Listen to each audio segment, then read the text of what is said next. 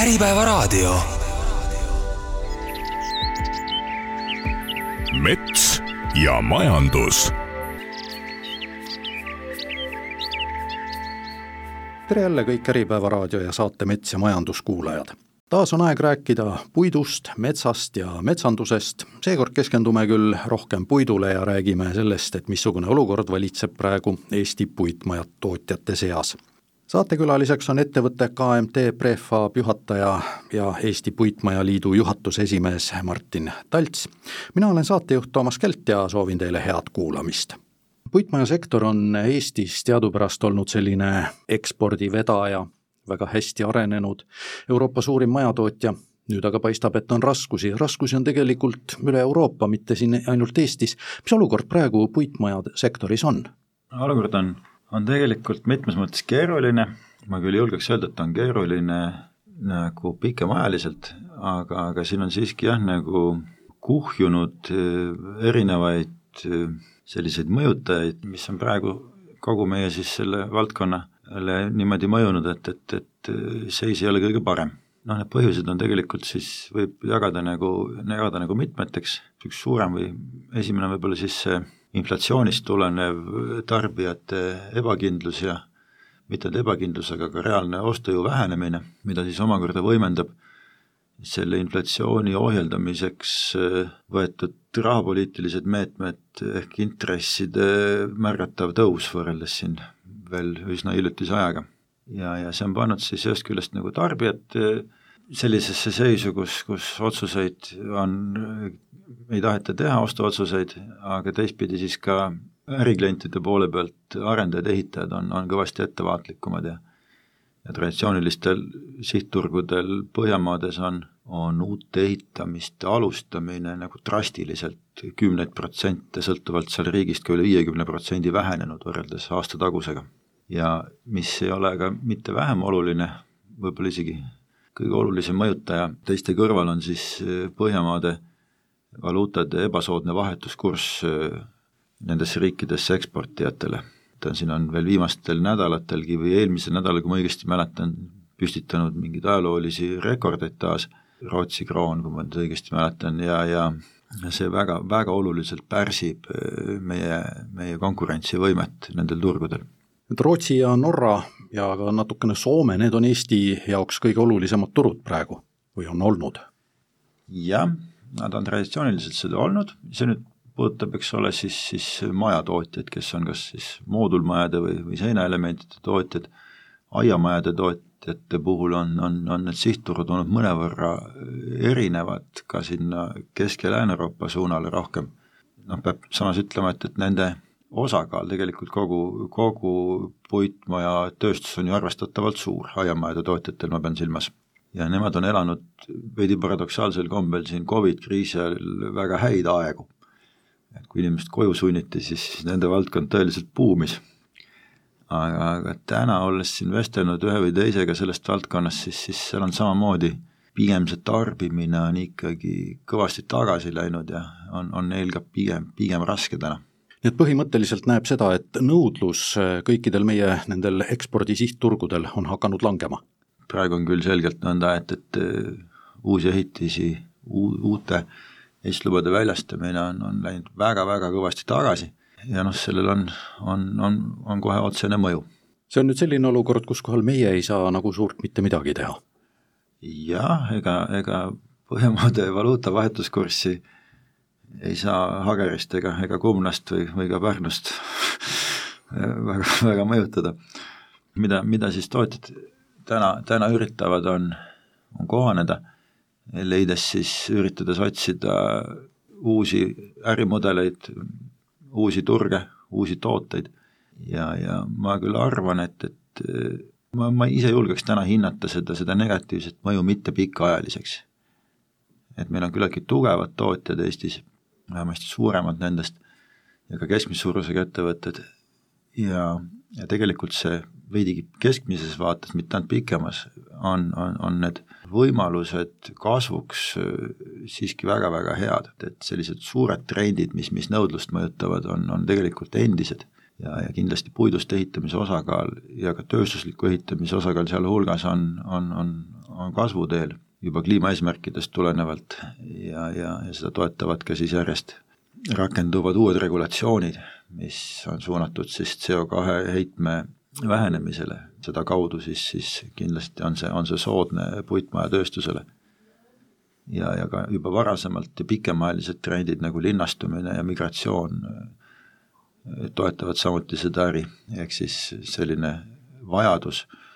uute eluasemete järgi, aga ka tohutu vajadus kaasajastada ja renoveerida olemasolevat elamufondi on nüüd, on ju väga tugev. et see lubaks tegelikult ikkagi meil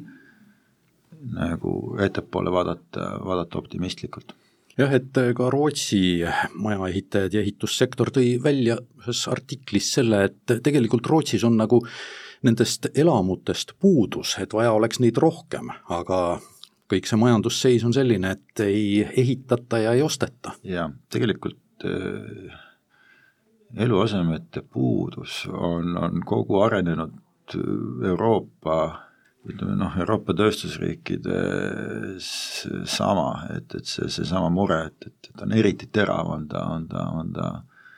teadaolevalt Hollandis, aga ka Saksamaal turud, millest me Eestis siin võib-olla mõnevõrra rohkem teame kus, kus on mingil määral ka eestlased kohal, aga jah, suureks väljakutseks on, on selle, on selle kitsaskoha lahendamine, et, et, et demokraatlikes riikides ei ole võimalik ka ehitusõigust äh, suures mahus väga kiiresti nii-öelda juurde tekitada. olgugi, et sellega tegeldakse ja mõeldakse, kuidas, kuidas protsesse lihtsustada ja nii edasi. ja, ja noh, küsimus on kohati ka kapatsiteedis ja, ja võib-olla mingites tootmisvõimsustes, kvalifitseeritud tööjõu olemasolus, et, et see on ikka komplekssem küsimus. vajadus äh, elamute järele, see on ka see üks põhjusi, miks usute, et äh, tulevik on helge? jah, et noh, nagu eelnevalt sai viidatud, siis needsama vajadus äh, uute, uute eluasemete järele tegelikult on, on Euroopas väga-väga suur, lisa, sellele lisaks veel siis nagu üritades kliimaeesmärke sarnases ajakavas täita, nagu, nagu valitsused on lubanud,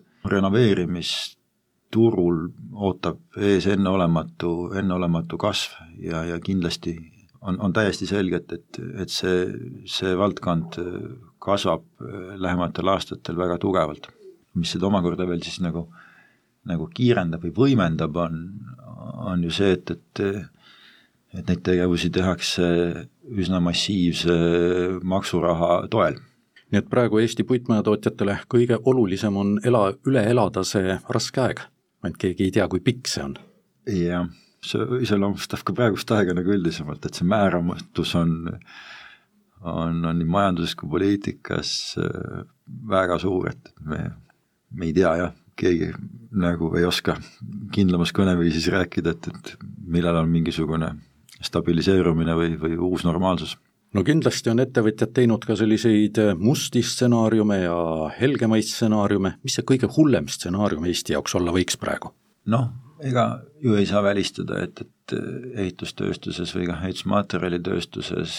selliseid tagasilööke saab veel olema, sest et noh, see keerulised ajad ei saa nüüd ka päris üleöö läbi. Ja, ja me ei räägi siin ju nädalatest, vaid päris kindlasti räägime kuudest ja, ja kuidas kellelgi on finantstervis ja, ja kohustuste tase ja, kui kiiresti suudetakse kohaneda või, või leida mingeid alternatiive turgude mõttes, väga raske on ennustada, aga kindlasti, kindlasti noh, täitsa välistada ei saa, et, et et, et nii ehitusettevõtjate kui ka materjalitootjate poole pealt võib negatiivseid uudiseid tulla, kuigi täna noh, kellegi kohta konkreetselt, vähemasti meie valdkonnas midagi sellist teada ei ole nii et loota võib, et elatakse üle, aga piiranguid, palkade vähendamist, nagu siin näiteid juba on, selliseid asju võib tulla küll? jah, et tegelikult ei ole konkreetset infot selle kohta välja arvatud nüüd see ük, üks näide, aga aga ka see, seda ettevõtet veidi, veidi rohkem võib-olla teades või olles selle juhtidega suhelnud, siis ma nagu ei oleks veidi pikemalt ettepoole vaadates liiga pessimistlik. tegemist on kindlasti, kindlasti tugeva ja väga võimeka tootjaga et nagu öeldakse, raskeid aegu on varem ka olnud, siis on need üle elatud. nojah, kes kuidas, et, et, et eks ole ju, eks noh, põhimõtteliselt ega pankrotid on, on mingi, mingis, mingis mõttes nagu loomulik osa majandusest, et ja, ja, ja need põhjused võivad ju ka olla erinevad, miks, miks kellelgi mingil perioodil nagu halvemini läheb, et aga kuidas seda konkreetne ettevõte nagu üle elab, et need, need lood on tihti nagu ikkagi erinevad ja, ja siin tuleb vaadata alati ka nende noh, üksikute ebaõnnestumiste puhul, mis, või ka pankrottide puhul, mis, mis Eestis meie sektoris on olnud mõne aasta sees siin, tegelikult need lood on alati siiski mõnevõrra, mõnevõrra erinevad, et siin on selles mõttes nagu olnud nii kliendipoolseid kui ettevõtete endapoolseid mõjutajaid sellel no üks variant, kuidas raskeid aegu üle elatakse, kulusid kokku hoitakse, on see, et osa töötajaid tuleb ära koondada. kui oluline on hoiduda sellest puitmajasektoris, ehk kui raske on pärast neid töötajaid tagasi saada, kui peaks tootmismaht jälle kasvama ja töötajaid on juurde vaja, ehk siis kui, kui, kui äh, kõvasti sellest püütakse hoiduda? noh, kindlasti püütakse, selles mõttes, et, et eks ta ju tegelikult on ikkagi noh, nagu enamus teisigi, on selline inimeste äri, et, et on noh, võtmetähtsusega on kindlasti hästi kvalifitseeritud insenerid, samamoodi kogenud müügipersonal, siin on väga palju ka sellist spetsiifilist oskusteavet, et selge see, et, et et, et, et sellise kvalifikatsiooniga inimesi üritatakse maksimaalselt hoida. võib-olla seal lihtsamate tehasetööde puhul on noh, selliseid kärpeotsuseid nagu mõnevõrra lihtsam teha, aga, aga noh, me näeme ka või teame ka siin eelnevast aastast, kus tööturg on olnud äärmiselt pingeline ja noh, sellise täieliku hõive olukorras ka mis tahes positsiooni täitmine ettevõttel noh, võttis tohutult kaua aega ja vaeva. et, et ega jah, kerged pole sellised otsused kellelegi, kui, kui peaks kulusid kärpima või jah, töötajate arvu vähendama, aga teisest küljest jälle ei saa neid ka ettevõtte ellujäämise nimel jätta tegemata. et ega, ega see olukord ettevõtjatel kerge ei ole no muidugi ei ole, aga, aga noh, ega ta nüüd liiga kerge pole ka kunagi olnud, et, et neid väljakutseid jagub, jagub erinevaid kõigil aegadel no võimalikke lahendusi väga palju ei paista, aga üks siiski on natukene, mis võib olukorda leevendada, uute turgude leidmine. missugusi piirkondi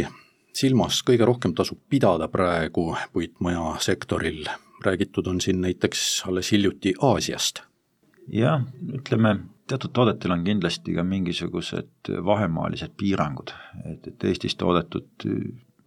seinaelementi või, või mingit ruumelementi ehk moodulit ei saa siiski vedada ükskõik kui kaugele, et, et see, see ei ole majanduslikult mõistlik, teisalt jällegi aiamajade puhul tõenäoliselt sel määral neid piirajaid ei ole või ka mingite komponentide transportimisel noh, mis võivad puidust siis olla ka noh, näiteks mingist liimpuidust rääkides või, või sarnaste toodete puhul. nii et, et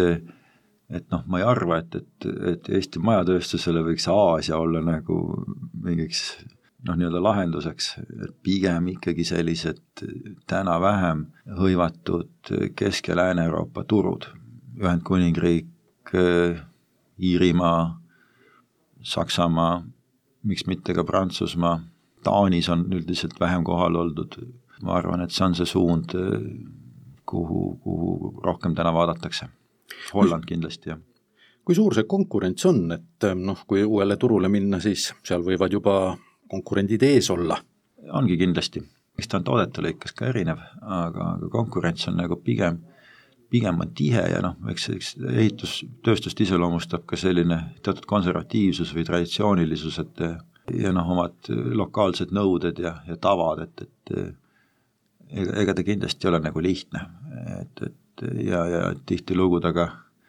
ei toimi ilma kohalikke partnereid kaasamata, juba kas või selle tõttu, et, et et noh, Eesti majatootjad ei suuda ka kõiki vajalikke töid oma jõududega seal nagu teha. et on igasugused lubade menetlused ja taolised, mis on, mis võivad olla spetsiifilised ja, ja eeldavad ikkagi sellist jah, mitte tingimata ei eelda, aga, aga noh, kus oleks suureks eeliseks, oleks selline kohalike olude hea tundmine. aga noh, teisalt jällegi, eks see valdkond ka ikkagi nagu rahvusvahelistub järjest rohkem, kui näiteks viisteist kakskümmend aastat tagasi oli, oli absoluutselt iseenesestmõistetav, et Soomes tegutsedes pidi ainult soome keelt rääkima, siis ma arvan, täna on ka sealsete noh, seal toimub mõnes mõttes nagu põlvkonnavahetus, et, et kuuldavasti saab ka, saab ka inglise keeles asju ajada. ja noh, ka Saksamaal me oleme ise kogenud enda ettevõttega, et, et et inglise keeles võib olla keeruline asju ajada, aga, aga eks saame näha. mis see Eesti puitmajatootjate eelis on? Meie eelis tegelikult on, on ikkagi meie, meie oskused ja meie teadmised sellest tootest, et meil on küllaltki pikaajaline kogemus äh, nagu disainida ja ka toota võrdlemisi keerukaid äh, lahendusi ja teha seda ka siis mitte, mitte ainult väga väiksel skaalal, aga, aga realiseerida ka suuri projekte. et ikkagi jah, need meie, meie, meie oskused ja meie kogemused on see eelis, et, et hinnaeelis on selgelt taandumas täna, et Eesti pole juba tegelikult mõnda aega nagu selline riik, kuhu, kuhu soovitakse noh, näiteks välisinvestorite poolt oma oma tootmist üle viia madala kulutaseme tõttu, et see, see aeg on otsas, õnneks. Energiahinnad, palgatase, kõik see on samasugune nagu nendel endal kodumaalgi? jah, võib ka kallim olla, eks ole, noh, me teame siin energia hinnavahesid võrreldes Põhjamaadega, ega toorme sisend, toorme hindades noh, kogu materjalide valiku mõttes ei ole, ei ole mingit vahet, võivad suuta ka paremini osta teatud asju. et eks siin jääbki ainult see, see tööjõukomponent et selge see, et seal on täna veel vahed, aga tuleb arvestada ka eritransporte suhteliselt kaugete maade taha, mis, mis ka seda hinda päris palju mõjutavad meie kahjuks, et, et ega me jah, nagu pelgalt selle mõnevõrra veel, veel madalama tööjõu hinna pealt täna nagu mingit märkimisväärset eelist küll ei oma. räägime natukene renoveerimisturust ka. mõni aeg tagasi käisite ka siin saates rääkimas, siis me rääkisime majapaneelidest, millega maju renoveeritakse kuidas nüüd äh, nendega läinud on? ütleme niimoodi, et, et äh, noh, mõne aasta taga, mõni aasta tagasi, eks ole, algatas siis Majandus-Kommunikatsiooniministeerium sellise, teha sellise renoveerimise pilootprojekti ja selle raames siis äh, on renoveerimisel või umbes kakskümmend kortermaja üle Eesti, kokku on seal viis hoonetüüpi. Ja see hange ei läinud võib-olla päris nii, nagu ta plaaniti, ja, ja seal on olnud ka keerukusi siis selle realiseerimisel, millest võib-olla väga pikalt ei peatuks, aga, aga need ütleme, need keerukused tõenäoliselt ei ole nüüd küll sellised, mis mis kuidagi diskrediteeriksid kogu sellist renoveerimisviisi, ehk siis teha sellist renoveerimist ja, ja või oleksid kuidagi nagu lõpptarbija vaates ebasoodsad. noh, ta on, ta on, ta on täna poole peal, võiks nii ütelda, et, et seal on seal on esimesed majad nüüd hakkavad saama sellisesse järku või valmidusastmesse, kus, või ütleme, hakkavadki saama lõplikult valmis. meie enda ettevõte siis renoveerib kokku seitset kortermaja põhiliselt Lõuna-Eestis. see on olnud päris hea kogemus, me oleme selle käigus väga märkimisväärselt seda toodet arendanud eh, paremaks, muutnud. Üsna palju konstruktsiooni võrreldes sellega, mis ta, mida algselt kavandati, ehk siis ta on läinud äh, tehniliselt paremaks äh, nii valmistamise kui paigalduse mõttes oluliselt kiiremaks. Ja, ja no mul endal on küll päris tugev veendumus, et, et äh, sellest võiks saada selline eelistatud viis, kuidas renoveerida meie suurt hulka vanu paneelmaju. nii et potentsiaali on? jaa me nagu iseenda majas küll tunneme, et, et me oleme päris suurte sammudega nüüd siin viimastel kuudel edasi liikunud ja, ja näeme, näeme nagu selget progressi just efektiivsuses ja, ja see võimaldab seda tõenäoliselt, kui tekivad need kordused, et kui samatüübilisi maju, majade renoveerimist jätkata, et, et seal saab ka olema täiesti konkurentsivõimelise hinnaga, noh mida ennetavalt juba praegu saab ütelda, on see, et, et kuivõrd teha sellisel renoveerimisel on natukene kõrgem toetusmäär kui sellisel tavapärasel traditsioonilisel ehitusplatsil renoveerides, siis selle kõrgema toetusmäära tõttu on juba võimalik seda pakkuda täna soodsamalt kui koha peal ehitades. ehk siis klient saab vähema raha eest oluliselt parema toote nii kvaliteedi, väljanägemise, toimivuse suhtes mõttes, et see on hea uudis kindlasti korteriühistutele ja seda me kavatseme siin levitada ja oleme alati neid, kutsume ka lahkesti selle tootega lähemalt tutvuma, et, et seda julgust ja neile süstida. mitte asjasse puutuva isiku pilguga paistis kõige rohkem silma kiirus, nimelt kodulinnas Tartus käin ma päris tihti mööda ühest majast, kuhu neid paneele hakati panema ja ma nüüd väga täpselt kalendrisse kirja ei pannud, et kunagi, kuna sellega alustati, aga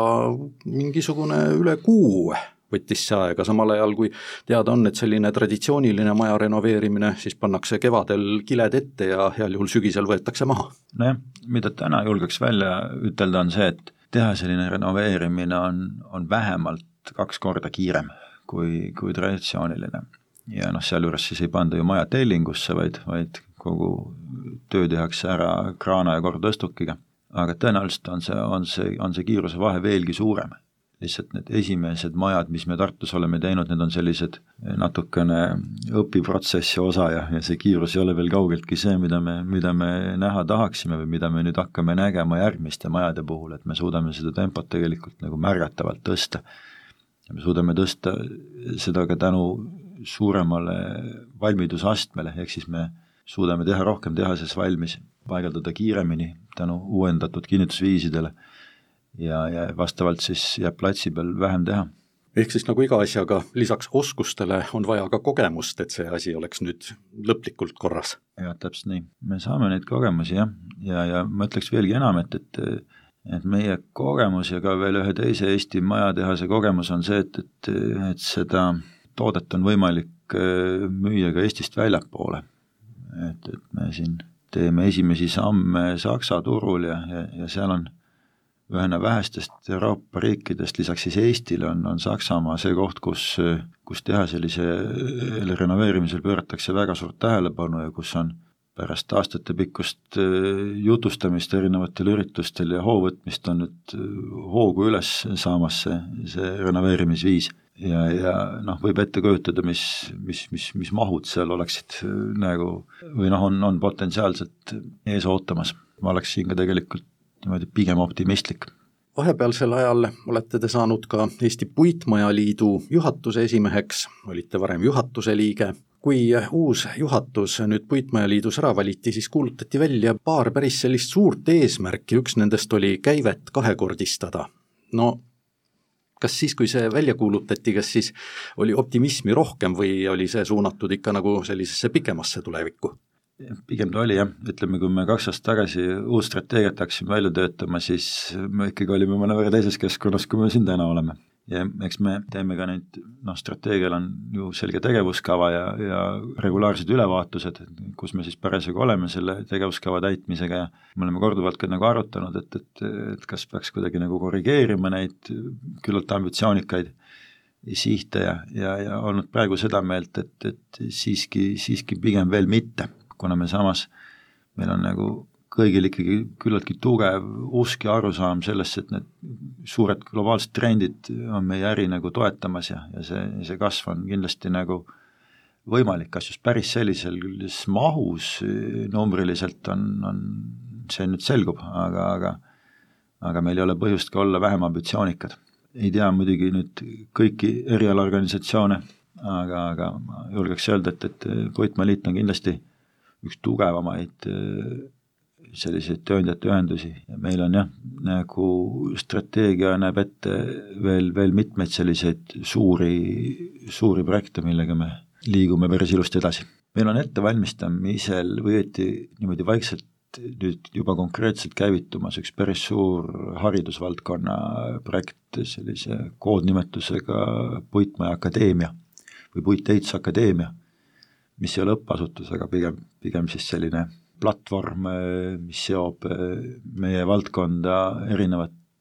erineva tasandi õppeasutustega Eestis, nii, nii, nii kutseõppeasutustega kui, kui ülikoolidega, aga me nagu tahaks sellest täpsemalt rääkida võib-olla mõne aja pärast, et, et meil on, asub just nüüd neil päevil eraldi ka inimene tööle, kes seda valdkonda vedama hakkab. ja rahastus on läbi erinevate ka Euroopa Liidu projektide tänaseks ilusti olemas, et, et me, me saame, saame siin hästi edasi liikuda no sama, senikaua, kuni projekte, uusi projekte ette valmistatakse, saavad mõned neist ka juba ellu viidud, nii on lähiajal tulemas tegelikult selle saate eetris oleku ajal juba ka käimas selline puitmaja nädal, mis on toimunud siin juba ka mitu aastat, et kutsute erinevatesse tootjate juurde vaatama, kuidas tehakse ja selle siis punkti paneb selline suur puitmaja tootjate võistlus või puitmaja noh, ehitajate võistlus. puitmaja nädal on on tõesti selline Puitmaaliidu korraldatav traditsiooniline tutvustusüritus, mis on tegelikult suunatud küll rohkem lõpptarbijale, kus siis on võimalikud eh, eelregistreerimisega tehase külastused, näidismajade külastused, ka erinevad töötoad meie heade tarneahela partnerite abiga nii ka sel aastal jah, on, on täiesti, täiesti selline jumekas programm on, sellega ma loodan, et see info on ilusti väljas ka meie Woodhouse veebilehel, et, et kutsun kõiki lahkesti, lahkesti osalema on seal nüüd mõni selline üritus ka, kuhu ise tahaksite väga minna? ma kindlasti lähen kohale Hiiumaale palkmaehitaja kutsevõistlusele, mis on ka pika traditsiooniga üritus ta on väga rohke osavõtjate arvuga üritus, ta on rahvusvaheline üritus ja kuigi palkmaja ehitajate osakaal ei ole nagu kogu Puitmaaliidus nüüd tohutult suur, on ta siiski ülioluline. ja, ja Eesti on palkmaja ehituses tegelikult äh, vägagi tugev tegija ja, ja meil on mitmeid väga võimekaid ja pika traditsiooniga liikmeid tootjate seas. ja koostöös Hiiumaa Ametikooliga toimub see võistlus juba äkki kümme pluss aastat on teda peetud, täpselt algusdaatumit ei suuda kohe nüüd meenutada. ja, ja see on kindlasti äge, äge üritus, et, et seal on erinevad kategooriad, milles võisteldakse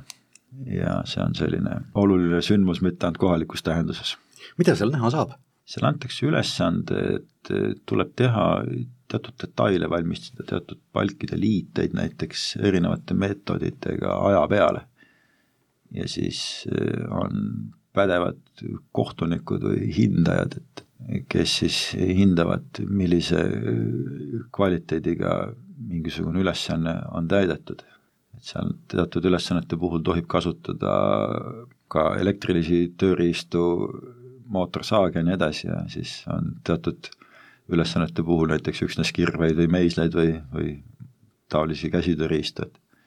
et on erinevad kategooriad, milles võisteldakse, aga, aga jah, ta on selline ka ütleme, pealtvaatajale atraktiivne no selle käsitöö osa kohta peaks ütlema vist seda, et noh, ega selle osakaal kindlasti ei saa olla tänapäeva maailmas väga suur, aga samal ajal ei kao see ka mitte kusagile, sellepärast et alati on inimesi, kes tahavad, et nende asi oleks tehtud just nimelt käsitsi. Jaa, ja tegelikult ega, ega seegi on valdkond ju, mis, mis on ajas päris palju muutunud ja arenenud, noh ka, ka käsitöö palkmaja arhitektuur ei pea olema ju, või noh, ei ole kindlasti ainult, ainult nii-öelda suitsusaun, et, et ta võib olla ka vägagi selliste juba suuremate klaaspindadega ja sellise moodsama võtmes detailidega kombineeritud lahendus, et, et, et see on tegelikult väga mitmekesine ja suur maailm ja seal on väga ägedaid asju, kui nad on veel väga ilusasse keskkonda sobitatud või, või niimoodi tundlikult lahendatud, see on äge maailm. Ja kindlasti saab selliste majadega nüüd ka selle nädala jooksul ühes või teises kohas tutvuda ja kes sel aastal ei jõua, siis kindlasti on järgmine aasta ka see võimalus. absoluutselt, et, et hoiame teid kursis ja kindlasti jätkuvad sellised head asjad ka edaspidi puitmajaliidu seisukohalt on kindlasti oluline lisaks sellistele üritustele ja projektidele mõjutada ka riigivalitsust. Missugune võiks olla see Eesti valitsuse poliitika meie puitmaja tootjate suhtes, peaks seal midagi muutuma, midagi teistmoodi tegema? jah, meil on tegelikult eh, päris mitu konkreetset ettepanekut, mida eh, oleks vaja kiiremini ja võib-olla teistmoodi senisega võrreldes teha, kui need nüüd väga lühidalt ja kiirelt üles loetleda, siis eh, me peaksime liikuma kiiremini edasi normatiividega CO2 heitme vähendamiseks, me teame, et Põhjamaad on meist tegelikult siin üsna pikalt ees ja nad on eh, koordineerinud omavahelist koostööd, Soome, Rootsi, Norra, Taani, ja teil on ikkagi juba täna kas jõustatud või kohe-kohe jõustamisel uued, uued reeglid, milline tohib olla siis uute hoonete CO2 heide ja Eesti võiks siin olla nende rakendamisel kiiremini edasi liikuda, on meie sõnum. Teiseks, nii mitte, mitte ainult renoveerimist, aga ka laiemat puidu kasutamist tegelikult on pärssinud ajast arust tuleohutusnõuded ja, ja regulatsioonid selles vallas. et me kogeme praegu ka renoveerides seda, et, et et meil ei ole võimalik normaalselt kooskõlastada hoonetüübipõhiselt lahendusi, vaid me kohati kooskõlastame neid hoonetepõhiselt ja millegipärast kogeme ikka jälle seda, kuidas Tartus põleb tuli täiesti erinevalt kui Sindis ja Tallinnas veel kolmandat moodi. ja see tegelikult on nagu mõttetu ressursi raiskamine, kõigi ressursi raiskamine. ehk siis meil peab, võiks olla natuke, me peaksime tuleohutusnõuded üle vaatama ja seda regulatsiooni muutma, meil on tegelikult siin ka hästi selged ja konkreetsed ettepanekud, kuidas seda teha. ja kolmas, kas või nüüd sellesama renoveerimist, mis puudutab, siis, siis äh, ma arvan, et äh, nüüd uus Kliimaministeerium, mis hakkab ehitusvaldkonda koordineerima koostöös äh, KredEx ja EAS-i ühendasutusega, võiksid renoveerimistoetuse disainida selliselt, et, et seal oleks, teha sellisel renoveerimisel mingi väga selge osakaal meie vaates mõistagi, mida suurem, seda parem. et, et selle võiks kohe selgelt niimoodi määratleda järgnevates toetusmeetmetes. Ei ole paha ka loomulikult mingi veel täiesti eraldi täiendava meetme turule toomine, näiteks kvoodimüügirahast, mida on ka põgusalt arutatud või noh, mis on ideena läbi käinud, kindlasti tervitame seda, aga täna nagu püsib nagu oht, et, et kuivõrd see tehaseni renoveerimine on piisavalt uus nähtus ja, ja turul ei ole selle kohta veel jõudnud sellist eh, positiivset kogemust piisavalt laialt tekkida, et, et ta ei lähe, ei lähe lendu ja ei levi sellise, sellises mahus ja kiirusega, nagu, nagu võiks. et need on võib-olla sellised olulisemad sõnumid. nii mõneski mõttes toetate Euroopa Liidu poliitikat? no absoluutselt, jah, kliima eesmärkide mõttes on see, on see, on see poliitika ka, ka mõistlik. Euroopaga seoses küsin veel ühe küsimuse, et eh, mõni aeg tagasi kuulutati välja selline suur puitehituse programm, Euroopa New Bauhaus, kas sellest ka midagi kuulnud olete, on see kusagile poole liikunud, teieni ka jõudnud? on ikka jõudnud, jah. et, et see algatus on, on, on, on meile teada, ma küll ei ole ise sellesse nüüd piisavalt sisse vaadanud, et, et seda teaks nagu lähemalt kommenteerida, aga loomulikult kuulnud ma sellest olen ja, ja ma arvan, et, et moel või teisel me, me, me liiduga ka on meil siin, on, on kokkupuutepunkte. et seda ma peaks lihtsalt mõne kolleegiga täpsemalt üle rääkima, aga teada on et äh, lõppkokkuvõttes võib siis öelda, et see Euroopa Liidus välja öeldud seisukoht äh,